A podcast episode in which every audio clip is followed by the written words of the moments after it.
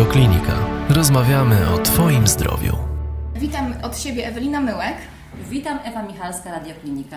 Porozmawiamy dzisiaj o mięsie i jego wpływie na e, choroby układu krążenia, ale także ogólnie na nasze zdrowie. A więc pytanie brzmi, Szanowni Państwo, jeść czy nie jeść? Czy czerwone mięso rzeczywiście jest korzystne dla naszego serca? Na czym polegają kontrowersje wokół mięsa w kardiologii? Dlaczego jest, można powiedzieć, tylu samo, ty, tyle samo zwolenników, co przeciwników jedzenia mięsa? W przypadku mięsa i um, szkodliwości na układ sercowo-naczyniowy właściwie nie ma tutaj kontrowersji. Mięso jest produktem, szczególnie czerwone mięso, jest tym produktem, który powinniśmy spożywać rzadko. E, I coraz to nowsze wydania piramidy zdrowego żywienia pokazują właśnie to, to, że to mięso jest na coraz wyższym jakby szczebelku, czyli coraz rzadziej powinno być wybierane w codziennej diecie. Mięso jest produktem oczywiście bardzo bogatym w białka. Jest, mówi się o tym o białku komplementarnym, czyli takim białku, które e, zawiera wszystkie, cały komplet aminokwasów, ale nie zapominajmy, że z roślin również możemy pozyskać te aminokwasy, tylko nie wszystkie aminokwasy z jednej rośliny. Trzeba odpowiednio komponować tą dietę, odpowiednio komponować, modelować te nawyki żywieniowe, tak aby właśnie te aminokwasy uzupełniać. Co do innych składników mięsa, o których już wiemy, że są szkodliwe, to na pewno warto byłoby wspomnieć o tym, że mięso jest bogate w tłuszcze nasycone, czyli w przypadku, znaczy w przypadku wytycznych Europejskiego Towarzystwa Kardiologicznego tutaj mamy do czynienia z taką bardzo wysoką rekomendacją, żeby ograniczać spożycie nasyconych kwasów tłuszczowych, a także mięso jest bogate w szczególnie mięso przeżuwacze tłuszcze trans i o tym też nie wolno zapominać, bo to już jest najwyższy stopień rekomendacji do ograniczania właśnie tłuszczów trans. Także mięso nie budzi żadnych kontrowersji w kardiologii. Ono powinno być po prostu minimalizowane. Spożycie tego mięsa powinno być minimalizowane lub nawet eliminowane z diety. No właśnie to jest y, zawsze, ja wchodzę trochę z taką kontrą, ona nie jest taką precyzyjną kontrą, która mówi, mm, namawiam do tego jako lekarz, żeby pacjenci jedli dużo mięsa. Nigdy do tego nie namawiam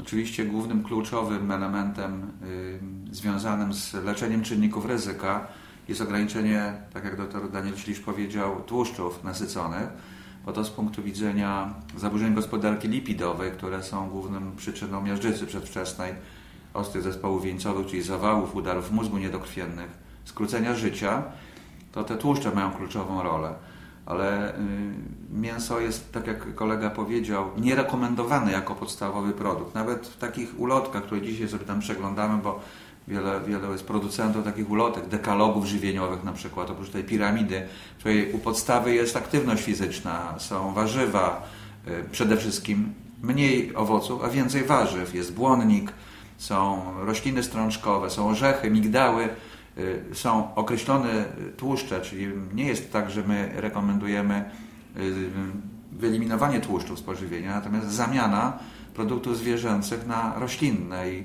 oliwa z oliwek czy olej rzepakowy, może za chwilę o tym powiem, bo dzisiaj głównie mówimy o mięsie. Natomiast mięso ma jeszcze jeden y, znaczy no, walor taki, który nie jest walorem de facto, bo on oczywiście w tradycyjnej kuchni polskiej czy kuchni basenu Morza Bałtyckiego, bo w basenie Morza Śródziemnego jest inny rodzaj jedzenia. Je się więcej ryb, o rybach za chwilę powiemy. Natomiast y, tak tradycyjnie uważa się, no, że mięso to jest ten wysokoenergetyczny produkt, którego trzeba jeść bardzo dużo, bo tu jest zimno, to człowiek musi dbać o ten bilans energetyczny, no, tylko czasy się zmieniły, nie żyjemy w namiotach i w szałasach y, na, na zewnątrz, na drzewach i przykrywamy się liśćmi, tylko mieszkamy w dobrze ogrzewanych domach i nie ma powodu, żeby wysokoenergetycznych pożywienia z dużą ilością tłuszcz, tłustego mięsa dostarczyć. Wobec tego w tej piramidzie gdzieś na górze jest. Ja jestem realistą i oczywiście bardzo szanuję wybory ludzi, którzy wybierają diety wegetariańskie czy nawet wegańskie. Znam wiele takich osób, różne są powody do takiego wyboru. Natomiast no, realiści mówią o tym, że nie da się oczywiście wyeliminować i spowodować, żeby wszyscy byli weganami czy na dietach roślinnych. W związku z tym rekomendujemy, żeby jeść mniej mięsa, tak jak kolega powiedział, żeby on był na szczycie piramidy. Jeśli już wybieramy mięso, żeby ono było y, chude, bez skóry na przykład, jeśli to jest mięso drobiowe, o tym pewnie jeszcze powiemy. I ma być go jak najmniej, bo Jeszcze żyjemy w takich czasach, że zdarza się, że na rynku jest, Daniel to pewnie powie, mięso bardzo wysoko przetworzone i tu są liczne dowody na to, że oprócz tej szkodliwości wynikającej z ilości tłuszczu, wysokiej gęstości energetycznej, to jeszcze z tego no, przetworzenia mięsa, z, które stymuluje powstawanie na przykład innej flory bakteryjnej w obrębie przewodu pokarmowego i mamy jakby dowody medyczne, że nie pomaga to w zdrowiu, wobec tego ten wybór powinien być kompletnie inny. Jak przyrządzać takie mięso, jeżeli już wybieramy? Tak? Bo też liczy się to, jak to mięso zrobimy. Tak, tutaj akurat ja nie jestem specjalistą w przyrządzaniu mięsa, więc pewnie, e, pewnie będzie mi trudno e, tak w sposób obrazowy kulinarny i profesjonalny opowiedzieć, ale na pewno nie wolno go, e, nie wolno go smażyć, No nie wolno go chodzi, poddawać tak? Mhm. obróbce na przykład termicznej grillu, tylko jeżeli już to spróbujmy je upiec już w rękawie jakimś albo na parze, jeżeli jest to drób. Mm, Bo taka obróbka termiczna powoduje powstanie jak najmniejszej ilości środków, które może nie tyle są szkodliwe na serce, ale działają bardzo szkodliwie na proces onkogenezy, czyli powstawania nowotworów. Że tutaj chcielibyśmy unikać raczej powstawania tych złych e, e, substancji, tych bardzo szkodliwych substancji, które tworzą no, nowotwory. No jeśli mówimy o, znowu wracamy do tych takich idealnych y, modeli żywieniowych, prawda? Bo wiele osób uważa, że dieta śródziemnomorska jest ideal, idealnym modelem żywieniowym, a tak naprawdę jak y, wchodzimy głębiej y, w tę historyczną warstwę tych zaleceń żywieniowych, to dieta kreteńska tak naprawdę i no ona zakładała spożywanie mięsa niezwykle rzadko, y, nieprzetworzonego, raz w miesiącu często, więc moglibyśmy sobie wyobrazić, że taka, jeśli ktoś no, jest realistą i, i no, lubi to mięso, to ma być bardzo mało przetworzone. Nie będziemy namawiali dzisiaj wszystkich do jedzenia surowego mięsa, bo dla niektórych jest to nie do przyjęcia, ale jeśli ktoś y, y, to akceptuje, to oczywiście tak może być. Jak najmniej smażenia, grillowania długiego, gdzie pojawiają się te substancje, które mogą być szkodliwe nie tylko w kardiologii, albo w, ale, albo w onkologii.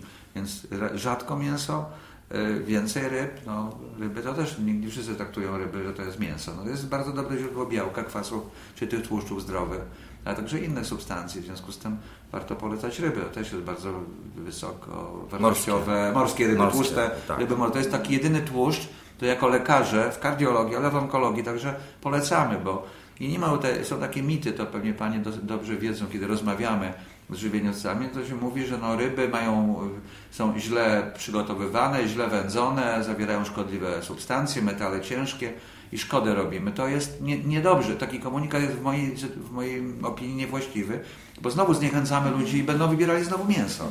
A jeśli mamy na tej szali położyć to białko zwierzęce, to to lepiej jeść tłuste ryby morskie niż tłuste, y, nie ryby, tylko tłuste zwierzęta lądowe, Lądowe, prawda? ssak. E, które, które mają dużą ilość czerwonego mięsa i poprzetykanego tłuszczem. Y, Zresztą my to dobrze wiemy, bo pacjenci o to pytają, że wybierają tylko chude, No, bo nie tak. widać tłuszczu, prawda? Ale Natomiast powiedz o tym, że ale- niewidoczny tłuszcz y, jest, Jest tłuszcz jest obecny, dlatego że w mięso jest zbudowane właśnie z tłuszczu, prawda? No i z Również, cholesterolu no. przede wszystkim, który, jeżeli popatrzymy na zawartość cholesterolu w różnych mięsach, bo to też jest ważne, żeby zastanawiamy się często, czy czerwone, czy białe i jakie są różnice, to o ile zawartość tłuszczu, takiego y, tkanki tłuszczowej jest oczywiście ważna, to zawartość cholesterolu tak bardzo się nie różni. To jest y, różnica kilku procent pomiędzy jednym gatunkiem czerwonego mięsa, na przykład wieprzowiną, wołowiną, a, a na przykład drobiem. Czyli te, te różnice naprawdę nie są duże, a my powinniśmy również zwracać na, dostarcza, na ilość dostarczanego e, do naszych organizmów cholesterolu. Te limity są jednak wyznaczone na, na poziomie tam 300 mg dziennie, więc to też jest ważne, żeby pamiętać o tym, że to nie tylko tłuszcze nasycone, ale cały cholesterol właściwie. Cholesterol też jest tym, tym kluczowym elementem do obniżania stężenia we krwi. My czasami używamy takiego no, uproszczenia, bo y, w takiej świadomości dla pacjenta, takiej no, po, powszechnej, no, cholesterol jest tym całym złem, prawda? Na, natomiast my musimy powiedzieć także o czymś, no, to może skomplikowany sposób brzmieć, czyli o kwasach tłuszczowych. Tych kwasach tłuszczowych nasyconych, które są w tych tłustych y, produktach, w mięsie, w tłuszczu tutaj używamy też zwierzęcym do smażenia, do pieczenia. I to jest czynnik y, ryzyka podwyższonego stężenia cholesterolu u człowieka już, ponieważ te przemiany biologiczne powodują, że mamy wysokie stężenie cholesterolu. Tu warto też o tym powiedzieć, bo to, to świadomość musi już pacjentów wniknąć, że jest zły i dobry cholesterol, ten już w organizmie. Ten dobry to jest HDL, a ten zły to jest LDL i ten LDL powstaje właśnie w różnych przemianach z tych tłuszczów zwierzęcych nasyconych, z cholesterolu pokarmowego również. W związku z tym my, y, mamy dwie możliwości, dwie główne możliwości, żeby ograniczyć jego poziom w organizmie. Po pierwsze, można go leczyć farmakologicznie i będziemy o tym mówić na wielu konferencjach w najbliższym czasie. Pojawiły się nowe standardy, są super leki, to są statyny. Y, są też nowe grupy leków, które wpływają na wchłanianie tego cholesterolu w przewodzie pokarmowym, no ale ograniczenie pokarmowe tego tłuszczu, o którym mówimy, z mięsa, z tłuszczu do smażenia, spowoduje, że y, będą potrzebne albo mniejsze dawki tych leków, a w niektórych sytuacjach u osób młodych, które mogą sobie pozwolić na ten proces czekania jeszcze, bo mają przed sobą długie lata życia. Jeśli zmodyfikują dietę, to może opóźnimy y, ten proces rozpoczęcia leczenia farmakologicznego, czyli leków, które są lekami do końca życia. Coś trzeba powiedzieć. Dla wielu pacjentów taki argument jest ważny. Jak zaczniemy już leczyć farmakologicznie, to jest proces, który trzeba rozpocząć i prowadzić bezterminowo, dożywotnio. Niektórzy nie lubią tego określenia, no ale tak to jest. W związku z tym, jeśli mogą sobie za pomocą no, naszych rad zmodyfikować dietę, no to czy sposób żywienia, to super. Ostatnio też e, przygotowywałyśmy wywiady na temat właśnie nowych wytycznych Europejskiego Towarzystwa Kardiologicznego właśnie w odnośnie cholesterolu LDL e, i e, było powiedziane, że poniżej 70 mg procent ten cholesterol, wszyscy pacjenci, którzy mają poniżej, mają szansę jakby, tak? Czy to są te wytyczne, że powinny być poniżej tego 70 mg procent, ale tylko 3 do 5% pacjentów w grupie najwyższego ryzyka to ma. Także chyba kluczowe rzeczywiście jest ten styl życia, o którym tutaj mówimy i, i, i niejedzenie na przykład mięsa, czy y, ograniczanie mięsa, czy cholesterolu.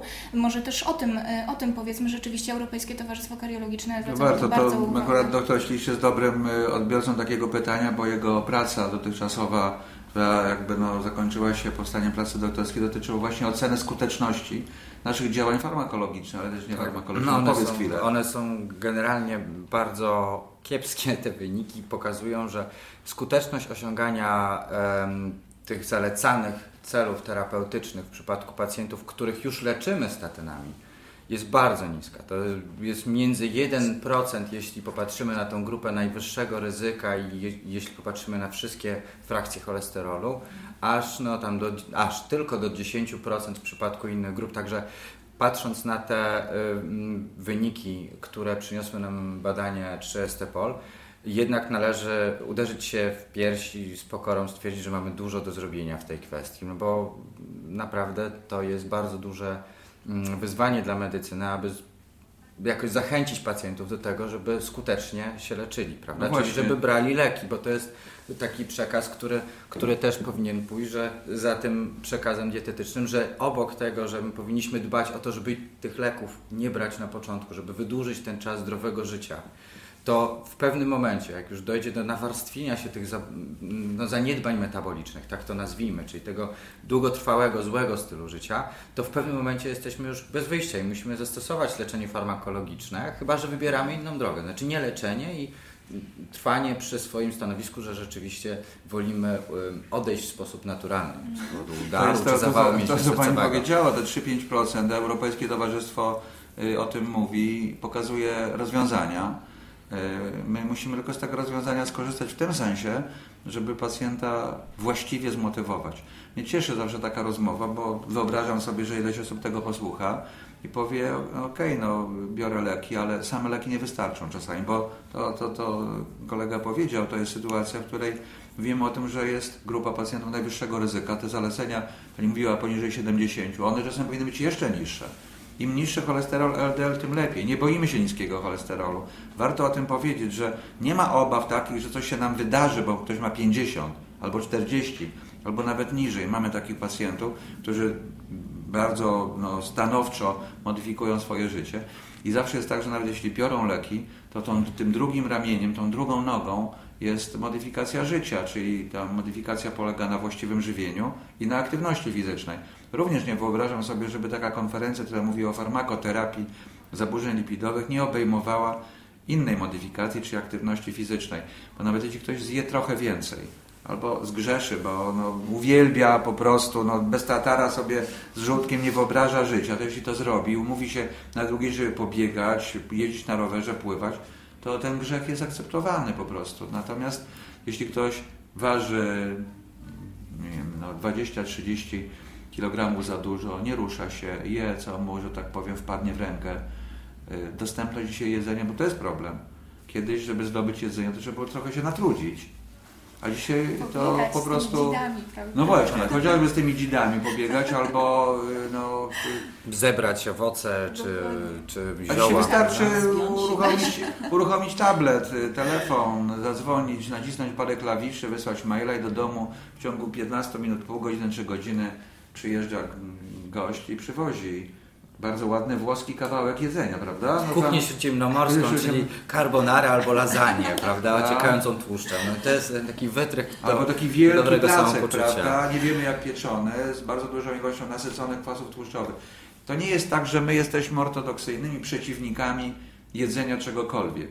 Są oczywiście, szanuję to ja, Daniel sam jest przykładem, na diecie roślinnej, ale yy, no, gdzieś jakiś wypracować trzeba model, który powoduje, że nie ma tych ekstremizmów, tego, no, że wyłącznie niezdrowo. No właśnie, tutaj pan profesor zresztą wspomniał o jednej z, ważnych, z ważniejszych rzeczy, że wszystkie zmiany, które zachodzą w nas, muszą być akceptowane, czy muszą być e, takie, które nie wymagają od nas nadmiaru wysiłku. Czyli po pierwsze to jest proces, jeżeli zmieniamy swoje życie na lepsze, na to takie zdrowsze, które na, według badań, pokazuje, które pokazują nam, że niejedzenie mięsa czy ograniczenie ilości spożywanego mięsa daje nam lepsze życie, mniej hospitalizacji, mniejsze ryzyko zgonu z powodu chorób sercowo-naczyniowych, mniejsze ryzyko nowotworów różnych, w tym na przykład nowotworu piersi, mamy październik, e, jest e, miesiącem akurat nowotworu piersi, więc, więc warto o tym też mówić. Więc e, to jest wszystko bardzo istotne, że powinniśmy do tego stopniowo dochodzić, wyeliminować pewne rzeczy, na które jesteśmy w stanie się zgodzić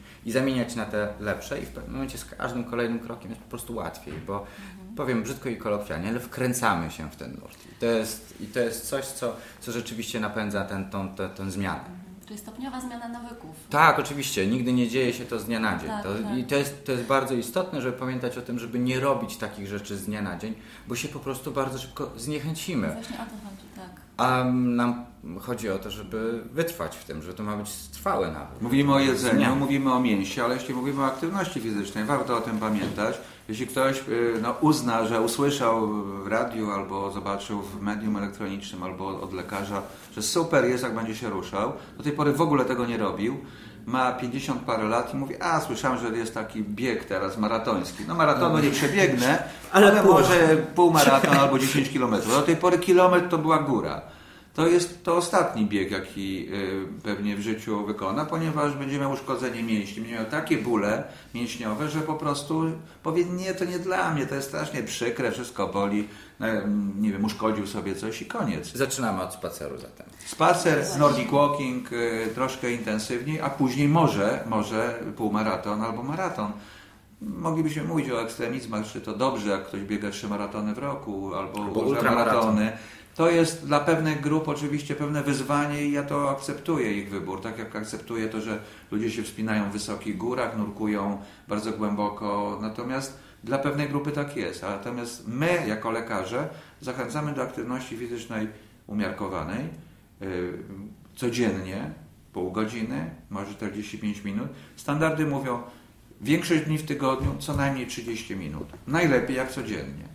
Umiarkowanej lub troszkę bardziej intensywnej. Ma Pani przed sobą książkę Kardiologia Właśnie, tak. sportowa. Tutaj różne rozdziały były, między innymi Daniel Ślisz pisał tutaj wspólnie Żywieniu w z kolegą o żywieniu w, sport, w sporcie, prawda?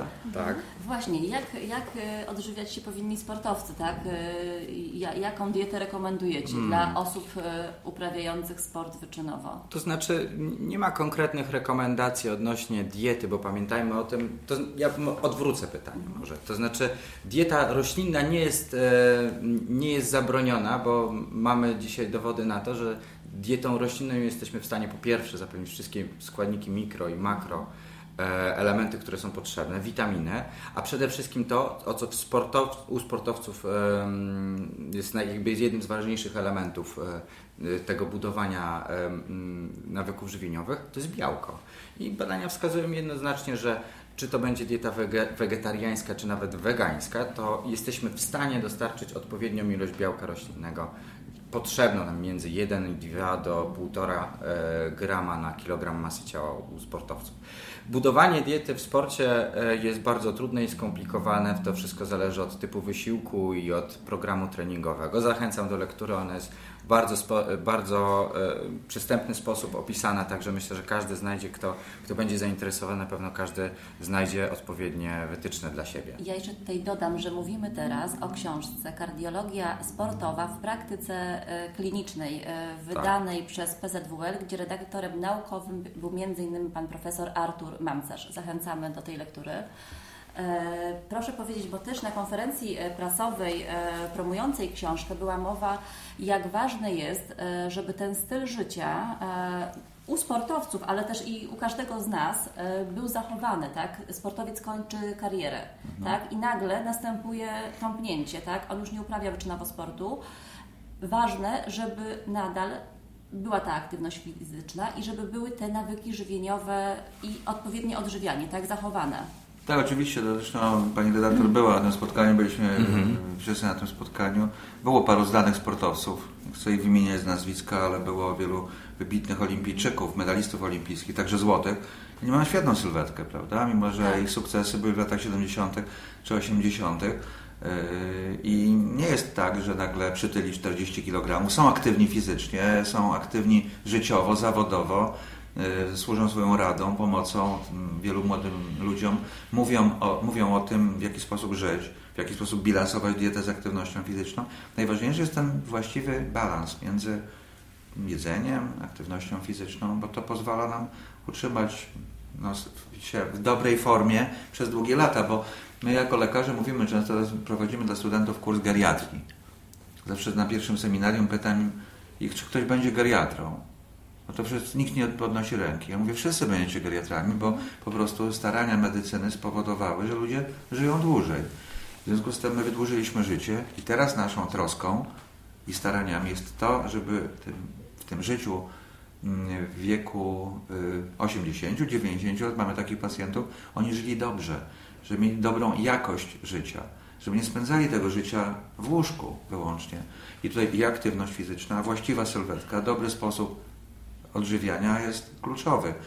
Y, Nie widujemy, zresztą to zdanie potwierdzi stulatków, którzy są otyli.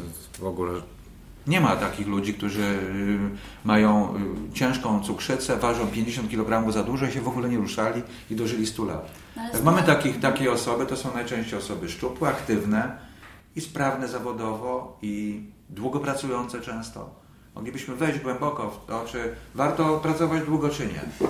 Na pewno warto mieć przyjaciół, warto otaczać się ludźmi, którzy nam sprzyjają, bo to też jest jeden z warunków długowieczności, jak pokazują te Kondycja niebieskie, niebieskie strefy, prawda, czy Okinawa, gdzie tam te, Tak. te starsze osoby są bardzo socjalizowane.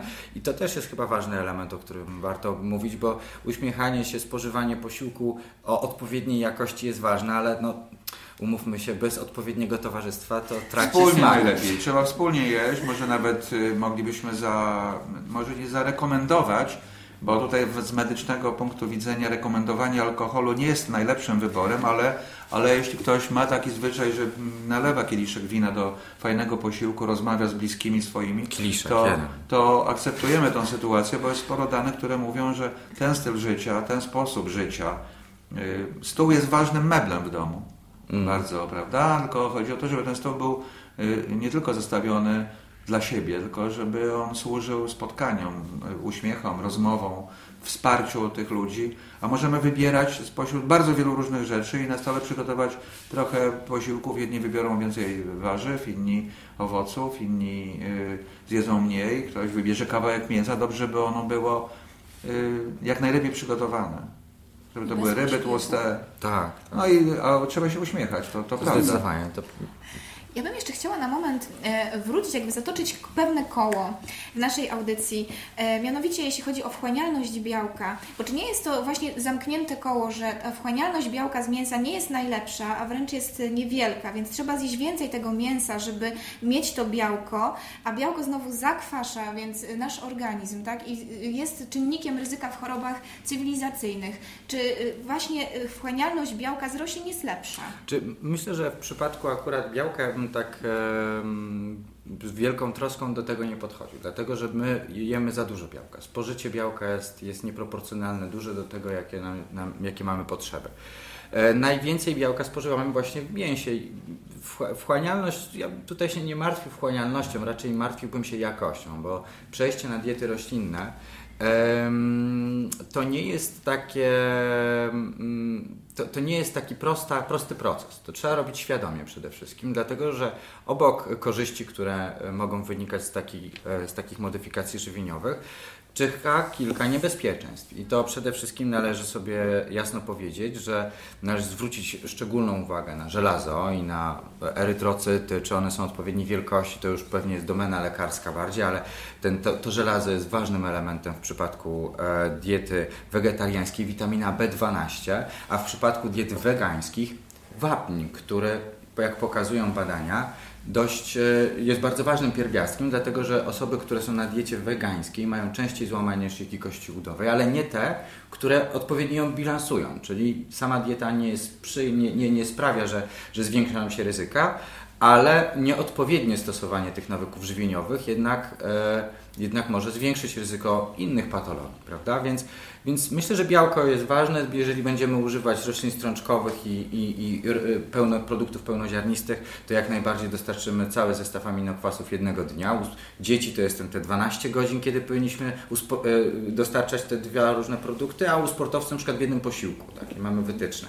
Więc to są rzeczy, które oczywiście musimy zwracać, na które musimy zwrócić uwagę w przypadku e, diet roślinnych, no i kwasy omega, prawda? No bo tutaj popatrzylibyśmy na te kwasy, na diety roślinne, no to nie do, nie do końca wszyscy wiemy skąd je brać. Więc tutaj glony lub też siemię czyli ten EPA i DHA możemy sobie fajnie syntetyzować sami z, z, tych, z tych produktów właśnie z siemienia lnianego, także to są takie produkty, które możemy zastąpić.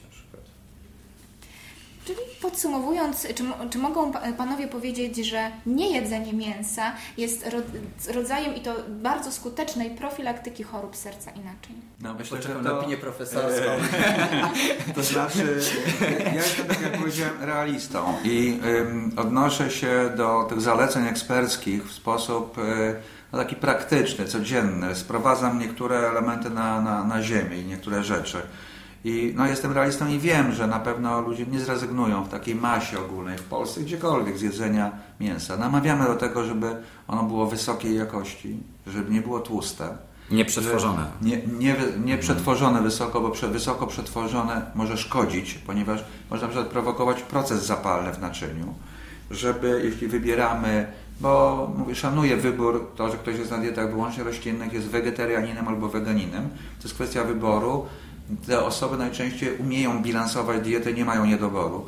Jeśli ktoś natomiast y, tak nie wybiera nieortodoksyjnie, nie stanowczo, to możemy dopuścić raz na jakiś czas, tak jak w starych dietach, zjedzenie raz w miesiącu mięsa, dużej porcji dobrej, tłustej morskiej ryby, która zawiera białko, kwasy omega-3, więc y, jak ktoś świadomie, bo to jest kwestia świadomości pewnej, że człowiek wybiera inaczej, rozmawia z lekarzem, najlepiej wtedy, kiedy jeszcze nie zachorował, i modyfikuje swój styl życia w taki sposób, że będzie żył jak najdłużej w bardzo dobrej jakości. Bo możemy z tych roślin, z wielu różnych produktów, które są no, wszędzie dobrze wybierać, w zależności od tego, gdzie mieszkamy. To jest taka tradycyjna również nowoczesna kuchnia. Wielu kucharzy znanych gotuje z tego, co rośnie w danym czasie i w danym miejscu. Można to robić. Ludzie tak robili przez tysiąclecia tak naprawdę. Gotowali, zjadali to, co rosło blisko domu, jakoś żyli, rozmnażali się, nie mieli niedoborów hormonalnych, e, kolejne pokolenia e, się pokazywały. Dzisiaj oczywiście żyjemy w takim świecie zbyt szybkim i tak naprawdę ten fast food to jest to niedobry wybór. Slow food to jest dobry wybór, prawda? Żeby świadomie się zastanowić, co kupić, umówić się z przyjaciółmi, przygotować parę różnych rzeczy, popróbować, co ktoś inny zrobi.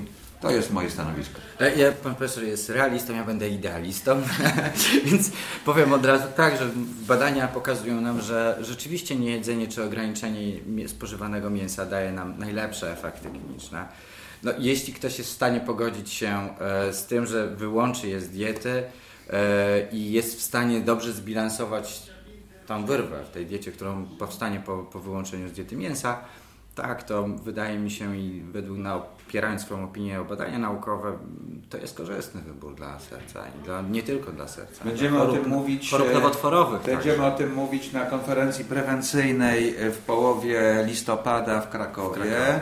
E, Myślę, że 18-19 bardzo ciekawą, ciekawą sesją. Będzie sesja, którą mam, będę miał przyjemność moderować jako taki sędzia na ringu, w którym pan dr Daniel Ślisz i pan profesor Andrzej Pająk zmierzą się na argumenty, e, z których jedne będą dotyczyły tego, że mięso jest człowiekowi niezbędne, to profesor Andrzej Pająk, a doktor Daniel Ślisz pewnie użyje takich argumentów, że można się bez niego e, obyć i to mm, również sprzyja zdrowiu. No, Pewnie będziemy nawet cytować podobne badania, także to będzie bardzo interesujące. Radioklinika i kardiologia bez kolejki na pewno będzie na tej konferencji. Dziękujemy Zapraszamy. serdecznie. Dziękujemy Dziękujemy. serdecznie Państwu. Dziękuję bardzo. Więcej audycji na stronie radioklinika.pl